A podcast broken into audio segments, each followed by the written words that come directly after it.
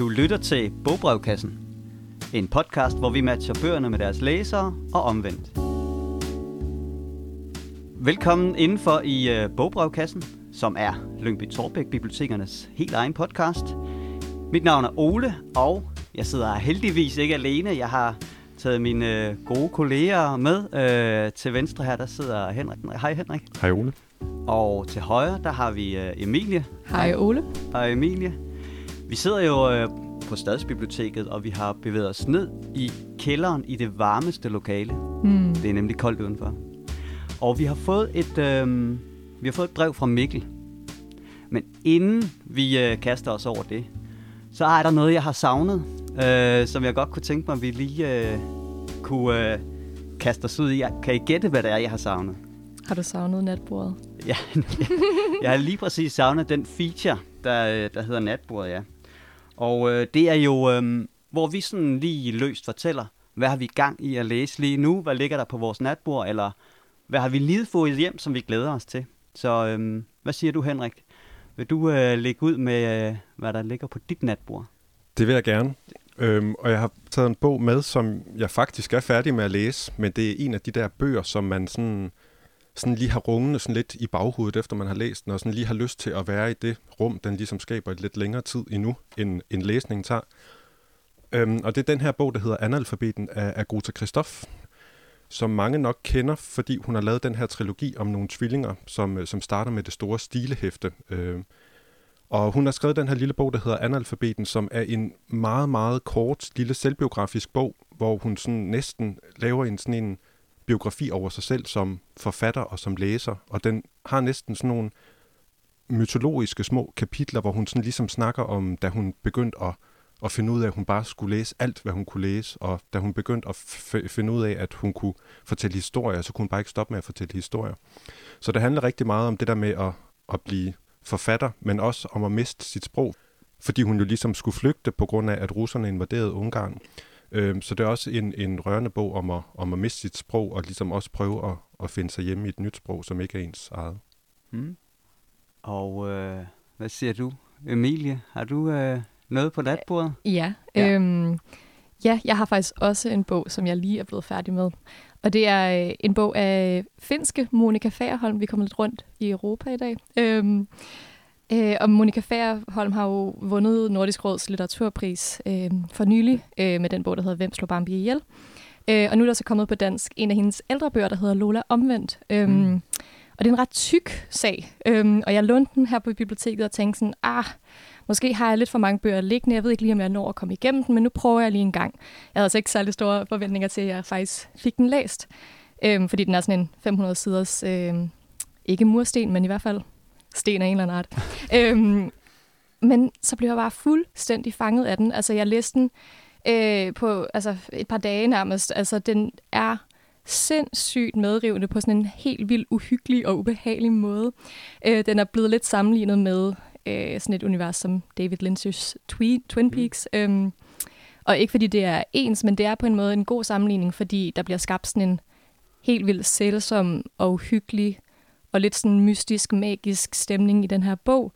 Øhm, og den drejer sig også om øh, et mor til at starte med, og senere flere mor og flere tragedier. Øhm, så det er sådan en meget mystisk, meget eksperimenterende form for krimiroman øh, i virkeligheden. Øhm, og altså, jeg var virkelig, virkelig blown away, øh, faktisk. Altså, den, øh, den har lidt sådan et eksperimenterende sprog. Altså sådan, men øh, den er ikke sådan skrevet lige ud af landevejen, men det er ikke svært. Altså, det er ret vildt, hvordan hun, hun skriver på sådan en ret øh, særlig måde, men også på en måde, hvor man bare fuldstændig falder ind i sproget Mm. og bliver revet med af det. Øhm, så kæmpestor og ret sådan overrasket anbefaling her fra Ja. mig. Øh, Lola omvendt. Ja. Ja. Ja, hvis man lige har, har brug for lidt sådan, øh, øh, ja, uhygge her til vinteren. ja. Jeg troede faktisk, at det var, jeg troede faktisk, det var, hvem slog Bambi ihjel, øh, du havde taget med. Den Ja. layoutmæssigt ligner den der helt vildt. Øh, Præcis, den, den, ja. Det er Turbine, der har lavet øh, Mm. de her to øh, bøger på dansk, ja. eller udgivet dem på dansk. Øhm, og de har netop sådan et, øh, et udtryk, Ja. øhm, der minder meget om hinanden. Ja, Det gør den. den er meget flot. Ja. Mm. Ja, hvad med dig, Ole? Jamen, ja. Altså, du, jeg er øh, jo, det er jo nærmest en følgetong, fordi øh, Hmm. jeg har taget en med, som jeg nævnte i vores forrige podcast, hvor jeg sagde, at jeg gik og ventede på den, jeg var skrevet op til den, og nu har jeg lige fået den. Så jeg har slet ikke fået den læst øh, færdig, jeg har bare lige fået den, og det er øh, Maren Uthavs øh, 11 procent. Øhm, det er en slags fremtidsfortælling, og 11 procent, det er de mænd, der er tilbage. Den, det er samfundet, det er består nærmest udelukkende af kvinder. De 11 procent mænd, de bor så på Lolland på noget, de kalder et avlscenter. så det er ligesom, øh, det er det, der er historien. Og så lægger hun simpelthen ud med at øh, referere til sådan en, øhm, en myte. Det er myten om Adam og Lilith. For det viser sig, at øh, Eva slet ikke var Adams første kone. Det var nemlig Lilith. Men da Lilith, hun nægter at underkaste sig Adam og Guds befalinger og smutter fra paradisets have ret hurtigt, øh, så bliver øh, Gud jo nødt til at opfinde Eva i stedet for. Og så siger hun her til sidst, jeg læser lige op her, øhm, for det her, den her historie, det er nemlig så til øh, alverdens lilleter. Så, men, men alt hører op, også uretfærdighed. Universet besluttede en dag at genoprette balancen og lade vægtskolen tippe over til den anden side, og således blev det igen alverdens lilleters tur til at bestemme, hvem der skulle være øverst. Og så er vi i gang. Og øh, Maren hun siger selv, at det ikke sådan et, det er ikke et, øh, hvad hedder det, feministisk manifest. Hun bruger jo ofte humor, øh, og øh, hun langer ud både efter øh, kvinder og mand og det patriarkiske system og øh, øh, religion, så, øh, og det gør hun som sagt med humor. Jeg er, fa- jeg er fan på forhånd, mm. øh, så jeg håber virkelig, den kan leve op til mine store, store forventninger. Det lyder jo mega spændende, Ole, og det er jo mega spændende med en bog, der starter med en omskrivning af ja. noget bibelsk, mytisk stof. Ja. Hold da op. Ja. Ja. Skulle vi ikke øh, kaste os over det brev, som øh, Mikkel har øh, sendt til os, jo. og øh, få det læst op? Vi venter jo. spændt. Ja. Jamen, øh, det er jo Mikkel, der har skrevet til os, og øh, han skriver, Kære bogprøvkasse, jeg skriver til jer, der egentlig er meget glad for at læse skønlitteratur. Dog synes jeg, at jeg har svært ved at finde ny inspiration, som fanger mig. Jeg får tit startet på en ny bog, som jeg så hurtigt går død i. Jeg har senest læst Forførernes Klub af Thomas Rydal, som jeg synes var ganske underholdende. Udover den har jeg været glad for at læse Carsten Jensens Vi de druknede, Paul Austers 4321, øh, Winston Churchills selvbiografier og Scott Andersons Lawrence in Arabia osv. Senest har jeg forsøgt at læse Thomas Korsgaards, hvis der skulle komme et menneske forbi. Den var lidt for socialt realistisk for mig. Jeg håber, I kan hjælpe mig med nogle gode forslag. På forhånd tak. Med venlig hilsen, Mikkel. Tak, Mikkel, for et fantastisk brev. Ja. Det er jo øh, så fedt, når vi får et brev, hvor der er så mange detaljer, og så, meget sådan, øh, så mange eksempler på, hvilke bøger Mikkel godt kan lide, og ikke ja. kan lide at læse. Øhm, har I, har I bidt, bidt fast i noget sådan særligt ved det her øh, titler, han nævner?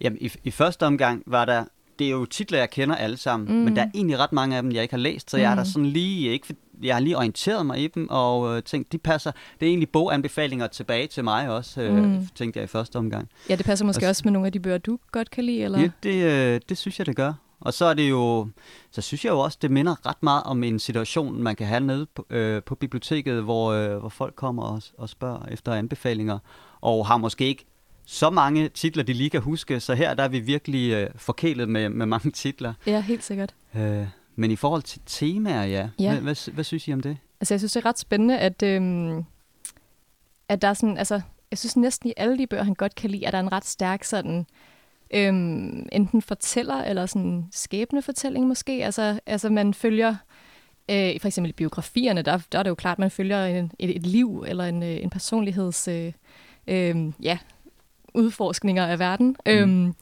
og på, den, på samme tid også, øh, altså Thomas Rydahl fra Førernes Klub følger også en, en fraskilt mand, som prøver at finde sig selv, og Paul Auster er jo kendt for at skrive sådan om, om identitet og sådan, øh, på sådan en ret sådan, øh, vild måde. Øhm, og så er der også noget, jeg synes, der er lidt, øh, lidt med noget sådan eventyrligt, eller ja. sådan, fordi ja, når han for eksempel ikke er så glad for det socialrealistiske, det synes jeg er ret spændende, fordi han godt kan virke det til lige fortællinger om måske et sådan almindeligt liv, eller ja, altså øh, skæbnefortællinger, men der må også gerne være noget, der, der går lidt ud over det der hverdagslige måske. Ja, ja det må også gerne være nogle store fortællinger Præcis. på en eller anden måde. Ja.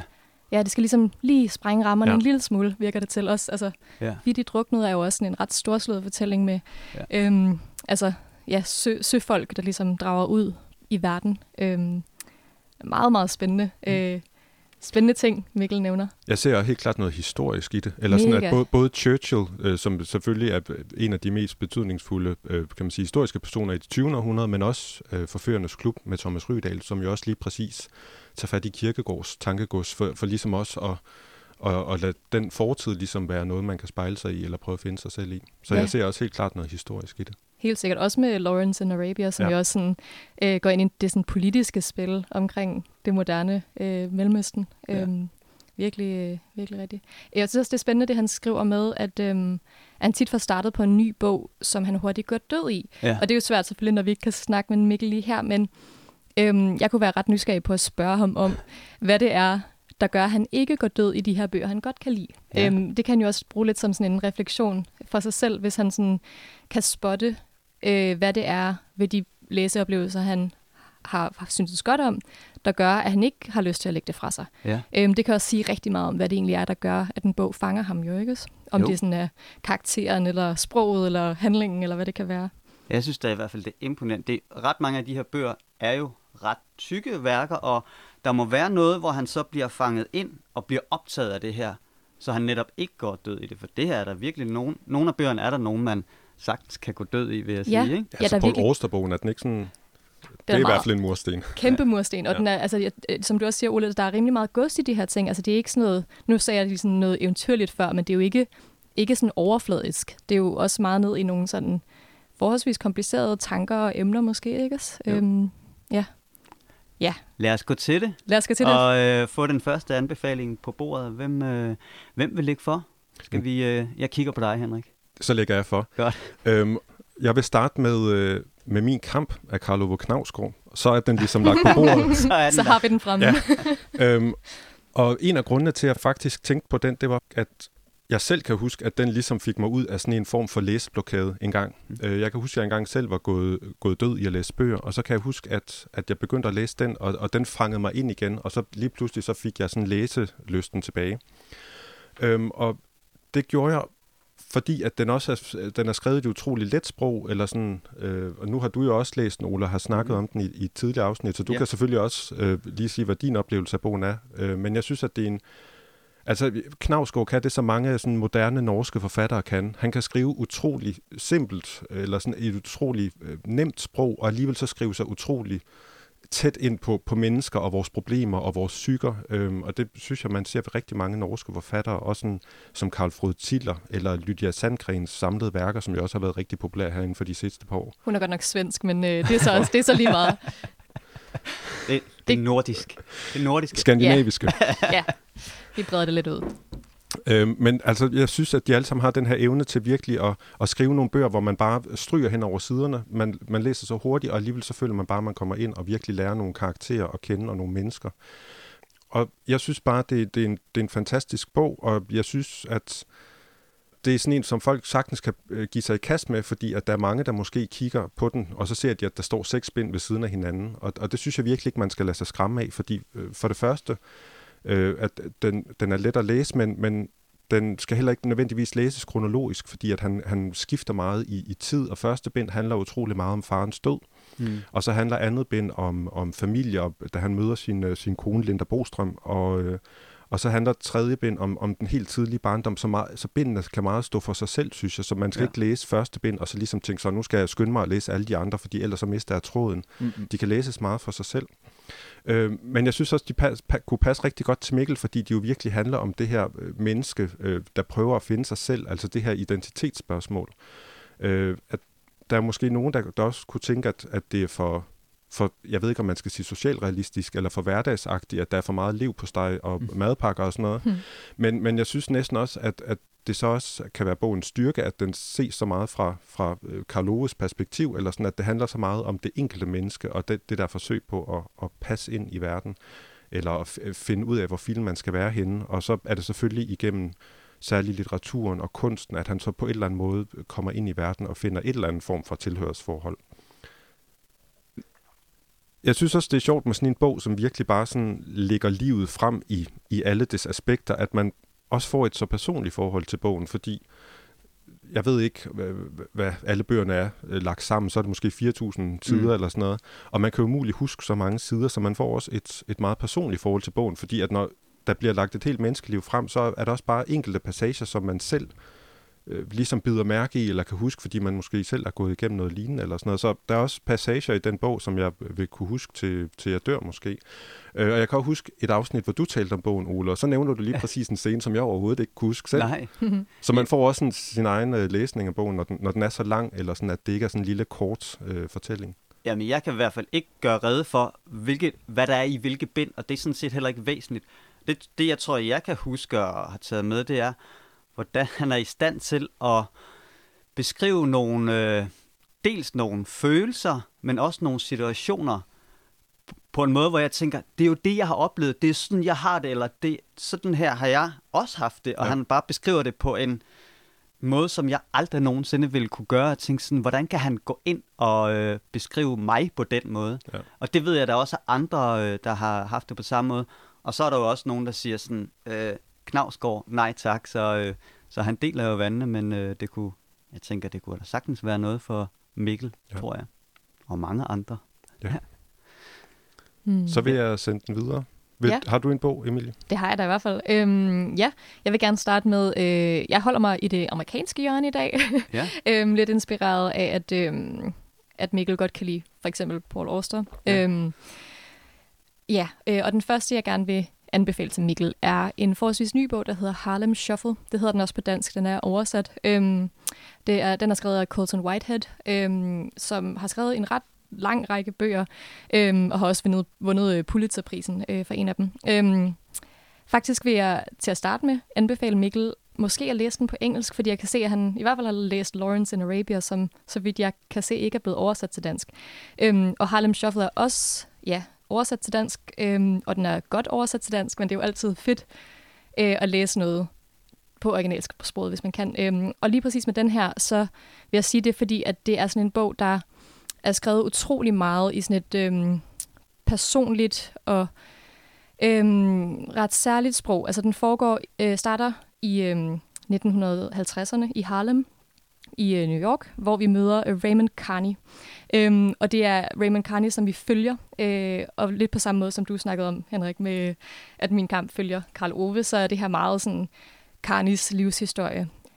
Og den er også sådan et ret fedt øh, portræt af en historisk tid, og af New York, som jo også øh, er en spændende by at læse om.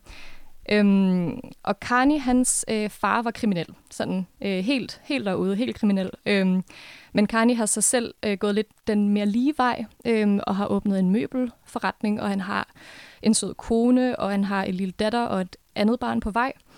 Øhm, men romanen handler rigtig meget om, hvordan han hele tiden balancerer på den der skarpe knivsæg mellem det sådan normale, lovlydige liv og det kriminelle liv, som hele tiden ligger som sådan en understrøm for ham, fordi hans familie er, hvad den har været. Han har for eksempel også en fætter, som øh, hedder Freddy, som øh, i starten af romanen kommer til ham, fordi han har sådan en... Øh, han har brug for hjælp til sådan et heist, og han skal sådan komme af med noget, øh, noget gods fra det der, øh, det der røveri, som han vil, vil begå. Øhm, i starten af det første kapitel står der sådan et, øh, et lille citat, som, som på engelsk lyder, Carney was only slightly bent when it came to being crooked. Og det er bare sådan et ret, et ret fint øh, citat og slogan for bogen, fordi det er sådan, ja, det, det handler bare om Carneys øh, selvforståelse som en sådan øh, lovlydig og ordentlig borger, der har sådan respekt i, øh, i det lokale samfund, men som samtidig lige har nogle, nogle ting på siden, som, øh, som ikke er så øh, lys, øh, ikke, ikke så glad for dagens lys. Ikke? Øhm, så ja, jeg tror, den her har på en måde noget af det, som Mikkel synes godt at kunne lide øh, ud fra hans brev, altså sådan et, et fokus på sådan en, en identitet og en skæbne og et liv, øh, og samtidig noget sådan lidt, øh, altså, øh, der er noget, der går lidt ud over det der sådan hverdagslige, øh, fordi den er også ret spændende, altså der er også, øh, der er også øh, gang i den og noget action øh, hen ad vejen. Øh, så jeg vil virkelig anbefale den her til Mikkel. Øhm, og igen, hvis han kan læse den på engelsk, øh, eller hvis han har lyst til at læse den på engelsk, så får man virkelig et godt øh, blik ind i sådan Carney som, som menneske gennem det sprog, øh, som ligesom bliver brugt i romanen. Jeg har et citat, jeg lige kunne læse op. Mm. Øh, et citat fra sådan midten af bogen, øh, og det, det er lidt over en side, så øh, tager lige et øjeblik at læse op, men det er bare sådan, ret øh, sigende for Karnis øh, position lige midt imellem det Ja. gode øh, og det onde, eller det normale og det unormale. Øhm, ja, så, øh, så vi, vi er inde i sådan et, et minde, han har fra dengang han øh, var studerende, fordi han har nemlig løst, læst økonomi på universitetet og alt muligt. Sådan, han er rimelig øh, velbelæst. Øhm, og der har han så en underviser, som kommer fra Østeuropa, som siger sådan her, eller det starter sådan her i hvert fald. Øhm, en oktoberdag, hvor Simonov understregede betydningen af at holde kompromilløs orden i sin bogføring, anbefalede han, at de udvalgte et fast tidspunkt hver dag til bogføringen, og at de holdt sig strikt til det tidspunkt, når de havde valgt det. Det er ligegyldigt, hvornår I gør det, bare I gør det. Hans far, en tekstilhandler hjemme i det gamle land, Rumænien, Ungarn, foretrak væg denne fredfyldte midnatstime til at afstemme sine bøger.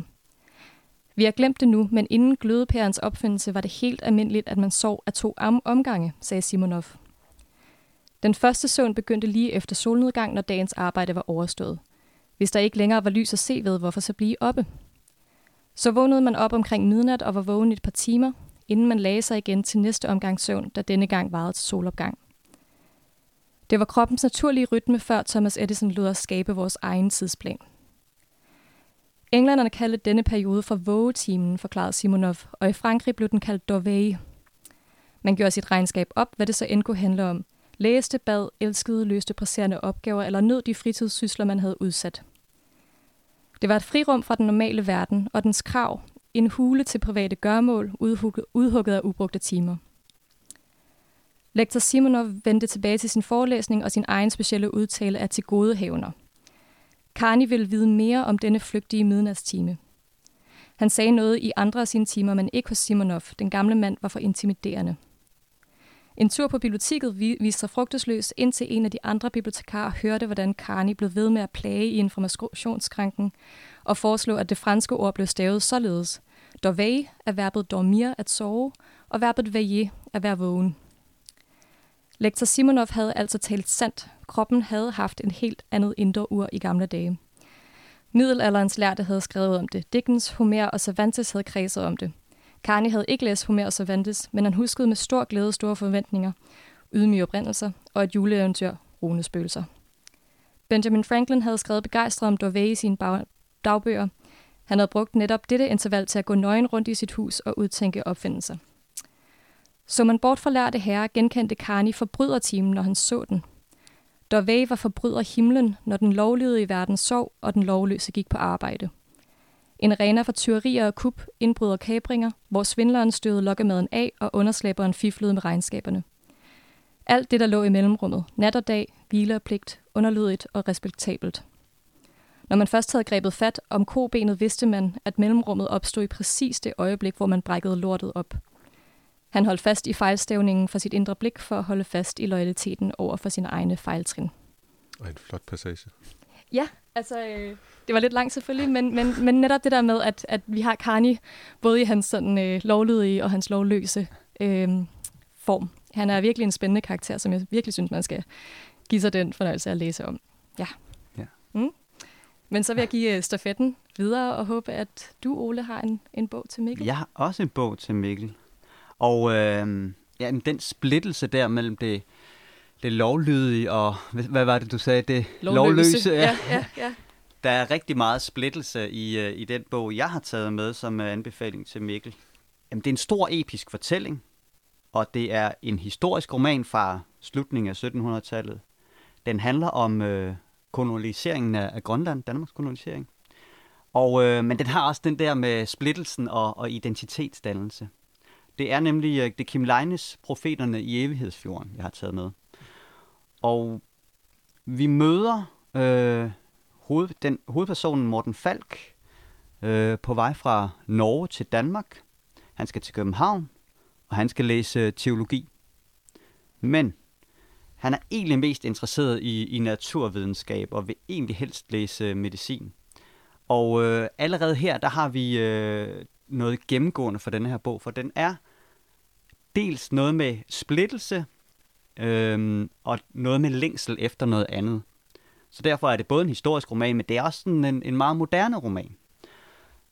Han får et øh, præstekald øh, i Grønland, øh, hvor han tænker, han har egentlig muligheden for at være præst på Lolland, og han har også en forlovet.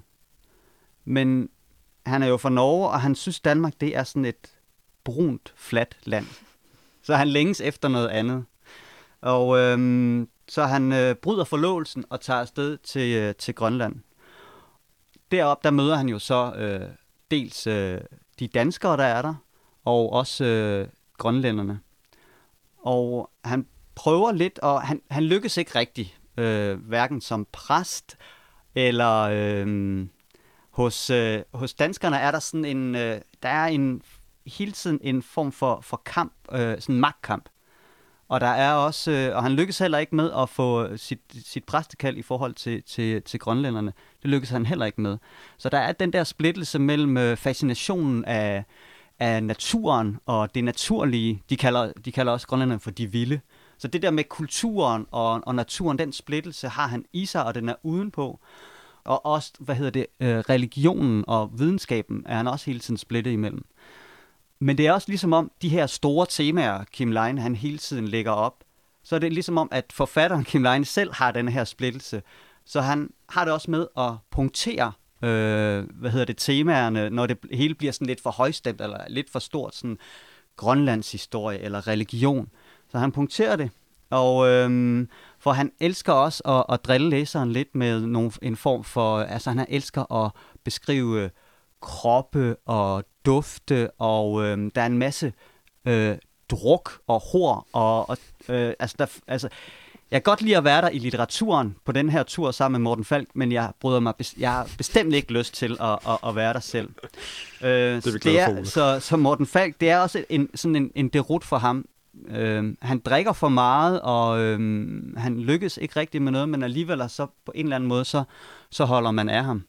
Og øhm, jeg kan lige give et eksempel på, øhm, når det hele bliver lidt, lidt for stort, så, øh, så øh, er der også nogle passager, som, øh, fordi der er de her sådan noget med kroppen og øh, kropsåbninger, og det, det elsker Kim Leine åbenbart at, at drille os lidt med, og det kan jeg også godt lide. Så for eksempel sådan en, en sætning her, som øh, han mærkede fedtemaderne begynder at trykke, de er jo på vej ned gennem tarmene, en opblødet, fed grød, der marcherede taktfast mod den skrækslagende ringmuskel. Så øhm, okay, jeg, synes, Kim, jeg, jeg synes, Kim Leine kan lidt noget med sproget, ligesom Knavsgaard. Øh, noget med øh, detaljen, men også variationen i øh, at beskrive sådan nogle ting. Der er også øh, et middagsselskab. Vi er jo i 1700-tallet, og man kan godt komme og de har par rykker på, selvom de er på Grønland. Så man kan godt komme til at tænke lidt på sådan noget øh, holdbærsk. Men et middagsselskab, hvor de øh, ligger par rykkerne ved siden af, af stegen, og han misser ikke en eneste chance for at fortælle, hvor mange lus der er i de her par rykker. Så han elsker det der med at, øh, at drille os lidt, og, øh, og, godt, og øh, sådan det skønne og det uskønne. Øh, så, øhm, Godt ned i materien, ikke? Ja, så det er min, øh, min anbefaling til, til Mikkel, og det er, øhm, han har researchet meget efter han har skrevet den, men den er egentlig, han blev øh, inspireret af den, øh, den hedder Profeterne i Evighedsfjorden jo, og Profeterne i Evighedsfjorden, det er øh, to rigtige personer, øh, det er Habakkuk og Maria Magdalena, og Kim Leine, han læste en artikel om de her to personer, som, øh, som han blev inspireret af at, at skrive denne her. Og det er jo første bind i et, i et trebindsværk. Nummer tre bind er lige kommet. Øhm, så dyk ned, i, øh, dyk ned i den. Jeg kan også reklamere for, at der er nogle af bindene i min kamp, hvor der også er, kommer ting ud af visse kropsåbninger. Ja. ja. Et godt tema. Der er måske en, hvad, hvad hvis nu alle hovedpersonerne fra de bøger, vi har anbefalet indtil videre, mødtes, ikke? Så kunne det være, der kunne ske spændende ting og sager. På tværs af tid. På tværs af tid.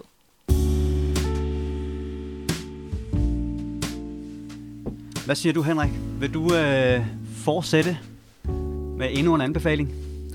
Ja, øh, jeg vil lave en lille dobbeltanbefaling, fordi nu ved jeg ikke, han havde ikke rigtig selv nævnt nogen sådan rigtige klassikere, Mikkel, men jeg tænker, at det vil han sikkert godt kunne lide, mm.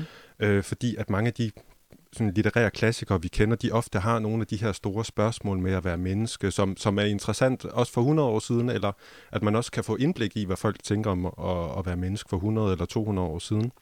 Øhm, og så har jeg, har jeg prøvet at vælge et par, som jeg tænkte, han ville kunne lide, og som også måske kan være indgangen til, til klassikere, hvis man ikke lige er så, så vant til det. Den første, jeg har valgt, det er den her Mørkets Hjerte af Joseph Conrad, som jeg tror er cirka 100 år gammel. Øhm, og folk ved måske også, at, at det er den bog, der har lagt øh, inspirationen bag øh, øh, Francis Ford Coppola's Apocalypse Now, som ja. selvfølgelig så er flyttet til, til Vietnam, eller Vietnamkrigen.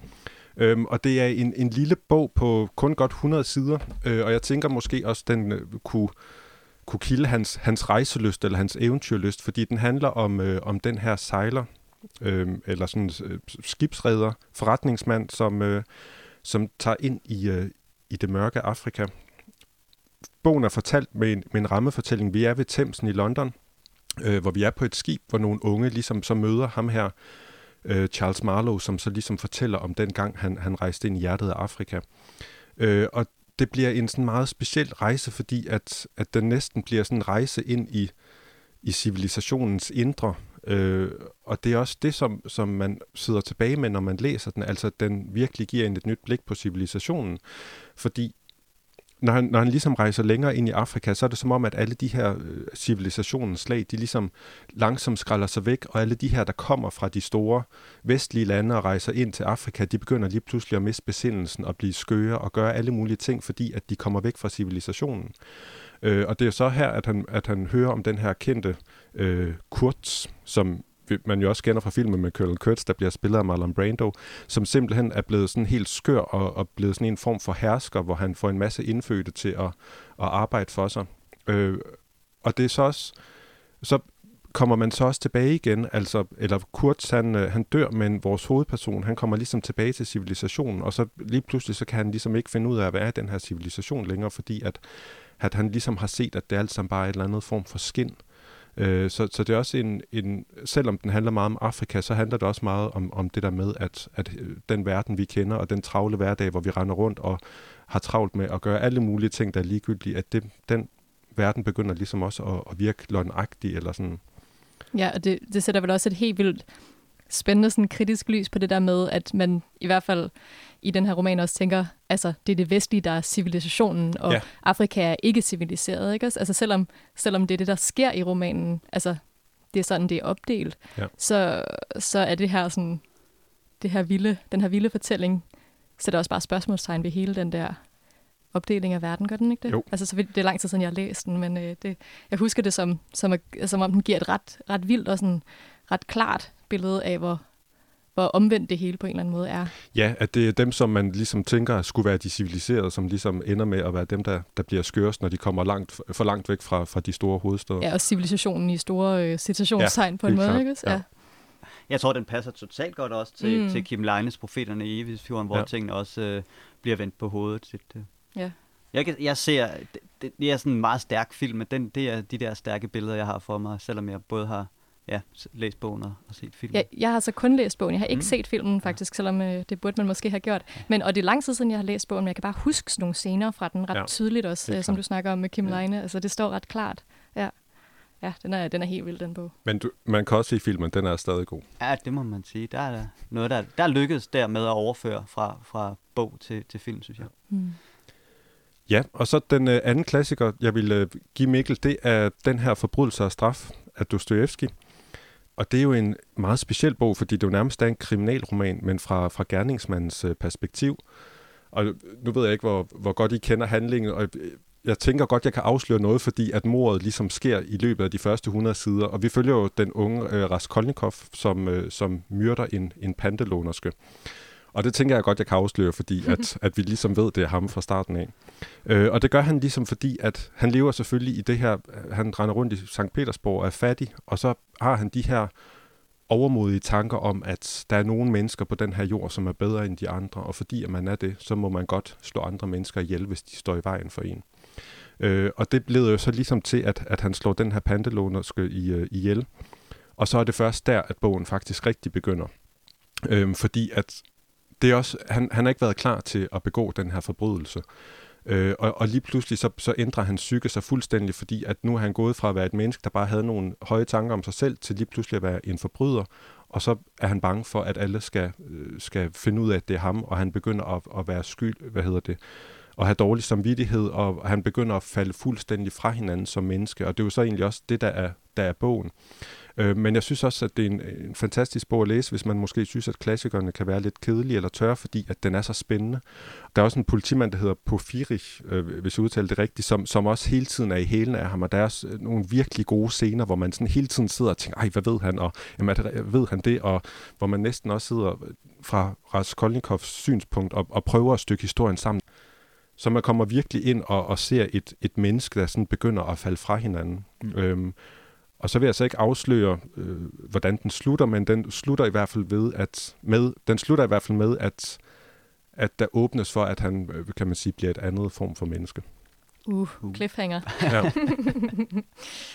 Spændende. Det er virkelig, øh, og de er meget forskellige størrelser, de to klassikere der. Meget. Altså, vi har en meget kort og en, en lidt længere. Øh, godt, godt meget længere. Godt match. øhm, jeg, tror, jeg tror, du var virkelig ret i, at de kunne begge to appellere virkelig meget til Mikkel. Ja. ja. Nu går vi så fra, fra nogle klassikere til, tilbage til det moderne. Jeg har en anden bog, som jeg gerne vil anbefale på baggrund af, at Mikkel godt kunne lide Paul Auster. Og det er en roman, der også øh, er sådan en øh, ret tydelig New Yorker-roman, som Paul Auster jo er meget kendt for at skrive også. Og uden sammenligning i øvrigt, for jeg synes, de to forfattere skriver meget forskelligt, så har Ben Lerner, som er ham, øh, forfatteren til den bog, jeg gerne vil anbefale, øh, også en evne til virkelig at skrive noget, som både er sådan skarpt, øh, realistisk og hverdagsagtigt, og som så samtidig spejler og forvirrer og forvrænger alt, hvad man tænker, der er virkelighed. Altså den, den bog, som Mikkel øh, nævner af Årstad, der hedder 4321, det er vist, den har jeg ikke læst selv, jeg har læst en del andet Årstad, men mm. ikke den her. Det er vist noget med, at, at det er sådan en person, som man får i fire forskellige virkeligheder, eller sådan forskellige versioner af, hvordan hans liv kunne se ud, så vidt jeg har forstået. Ja. Øhm, og i den her bog, som på dansk hedder 2204, altså tidspunktet om aftenen, på engelsk hedder den 1004, af Ben Lerner, har også, øhm, altså udover at den foregår i New York, så har den også en struktur, som gør, at tiden på en måde øh, spejler sig og forvrænger sig og fordobler sig ofte i forskellige sådan lag. Og det lyder måske meget kompliceret, men øhm, det er det faktisk ikke. Altså det, den, den starter med romanen, at øh, vi har en hovedperson, som er forfatter, som sidder til øh, et møde med sin forlægger på en øh, fin restaurant, hvor de spiser nogle små bitte blæksprutter. Øhm, og derfra så, øh, så kommer vi bare med i den her forfatterhovedpersons øh, vilde tankestrømme, øhm, samtidig med, at vi har to storme, altså to orkaner, som vist nok passer rimelig tidsmæssigt med to ægte orkaner, der har været i, øh, i for nylig. Øhm, som, som ligesom, så vi har egentlig i starten, en orkan, som rammer New York, og al strømmen, eller sådan, alle bliver ligesom, øh, sætter sig klar til at måske skulle ligesom, bo i deres lejlighed uden strøm og så videre i, i lang tid. Og det samme sker så til slut i bogen, hvor det så er en anden, øh, en anden storm. Øhm, og det er ligesom det er rammen for den her fortælling. Og så følger vi bare øh, forfatteren og hans, øh, hans liv. Øh, der er rigtig mange forskellige spor, så det er lidt svært at sådan give en, en ordentlig sådan handlings, øh, et ordentligt handlingsreferat. Men jeg vil anbefale den til Mikkel, fordi den har det her med, at den udforsker en identitet, og det er en mand, som står et sted i livet, hvor han skal stille sig selv nogle store spørgsmål. Øhm, blandt andet så øh, takker han ja til at være øh, sæddonor til sin bedste venindens øh, ønske om at få et barn.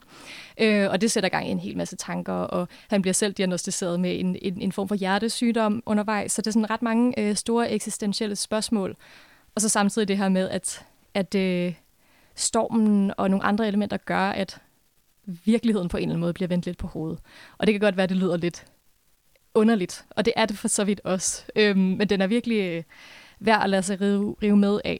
Øhm, jeg tror ikke, jeg vil sige så meget mere om handlingen, og jeg vil bare sige, at at Ben Lerner skriver helt vildt godt og helt vildt spændende, øh, og også rigtig sjovt. Altså han kan skrive sådan nogle scener, hvor øh, hovedpersonen ligesom kommer til at gå fuldstændig baglås over sådan nogle helt øh, hvad kan man sige, normale ting, som er, hvordan man siger hej til en, man kender på en café, og hvordan han sådan ligesom bliver alt for selvbevidst i det. Og der er også en ret sjov scene, hvor han så skal hen til den her sædebank, hvor han skal donere sæd til sin veninde, og hvordan han får at vide, at han, det er meget vigtigt, at han vasker sine hænder, og at alt er sterilt.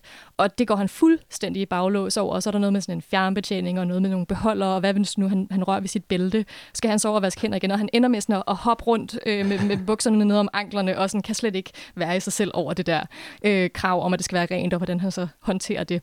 Øhm, det lyder også lidt fjollet, og det er det også. Øhm, men den, den, er, den er virkelig fed, den bog, og ret unik, så den er svær at give et, et ordentligt billede af. Jeg synes bare, Mikkel skal, skal, skal læse den. Den er ikke forfærdeligt lang, øhm, men den er, den er rigtig god.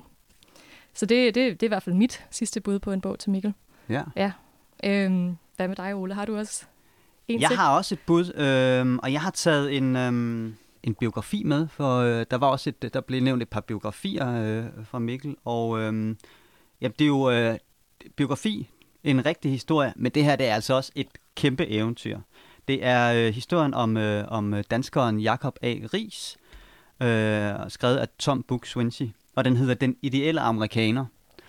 Og øh, Tom Book Swinsey, han skriver selv i forordet, at han skrev den her bog, fordi det undrer ham, at øh, så få mennesker øh, kender historien om Jakob A. Ries. Og øh, efter jeg har læst bogen, så øh, vil jeg give ham ret, og så lige lægge øh, top den med at sige, det undrer mig, at øh, Hollywood ikke har kastet sig over historien. Øh, hvis han var en rigtig amerikaner, og ikke en ideel amerikaner, Lige om lidt, så, så ringer så, de til dig, Ole. Så var, så var den lavet med øh, DiCaprio og, og Scorsese, tænker jeg. Det kunne den i hvert fald sagtens være.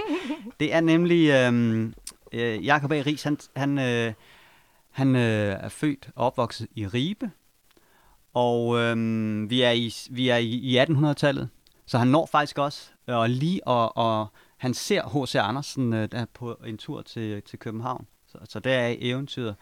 Men på grund af et faderkompleks og en, øh, en, øh, en forlovelse, som, øh, som øh, ja, ikke gik som det skulle, så drager han afsted til USA. Ligesom Og, i, ligesom i, on, i hvad hedder det, Kim Leines bog, faktisk. Jo, ikke? Ja. Ikke for at men sammenligne hos i Kim, hos, Ja. hos Kim Leine, der dropper han selv, øh, Kim, øh, der, der dropper de selv øh, den forlovede, men her, der er det ham, der bliver droppet. Okay, okay, så klart. Ja. faderkompleks og øh, ulykkelig kærlighed, Ouch. og så afsted.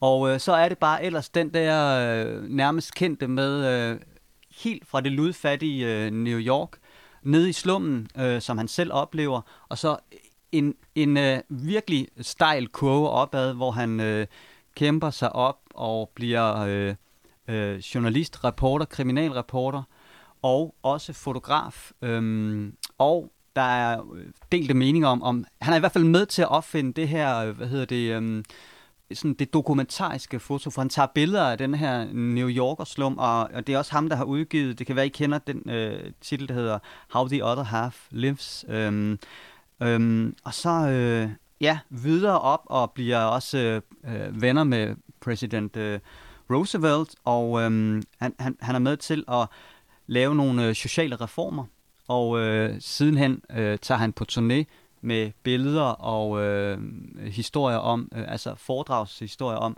hvordan øh, han har øh, været med til at ændre hele det her. Så det er, øh, ligesom mange, nogle af de andre historier, vi har med, som er måske en derut, så er det her i hvert fald en, en, en stigning opad. Så øh, ja, et sandt eventyr. Ja. Øh, Fedt lige at få en biografi med til Mikkel også. Ja, ja, ja det er ja. godt. Øh, så, det er, øh, så det er den, jeg har taget med som øh, ja, et sidste bud til, øh, til Mikkel, som, øh, som vi synes, at øh, han skal læse. Der er jo noget at kaste sig over, kan man sige.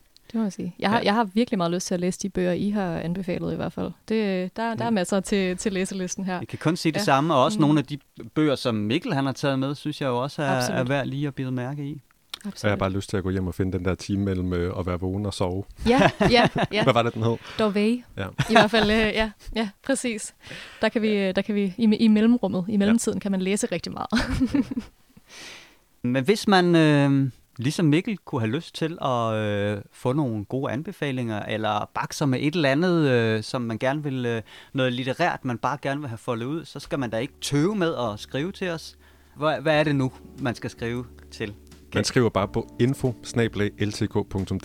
Det er Ja. lige præcis det, man gør. Grib øh. Ja, vi vil så gerne høre fra jer. Absolut. Og Altid. ja, med disse ord, tak for denne her gang. Tak for den her gang. Ja. Mm.